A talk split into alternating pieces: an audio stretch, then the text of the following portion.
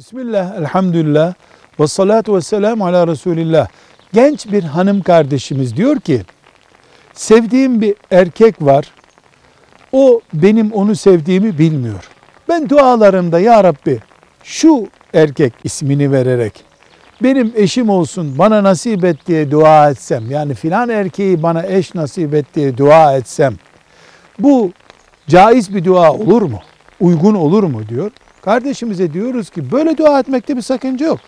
Ama dikkat et bu şeytanın seni tuzağa düşürebileceği bir takıntıya dönüşebilir. Bir insana dünyevi bir maksatla, beşeri bir zevkle bu kadar çok bağlanmak yanlış bir başlangıç. Velhamdülillahi Rabbil Alemin.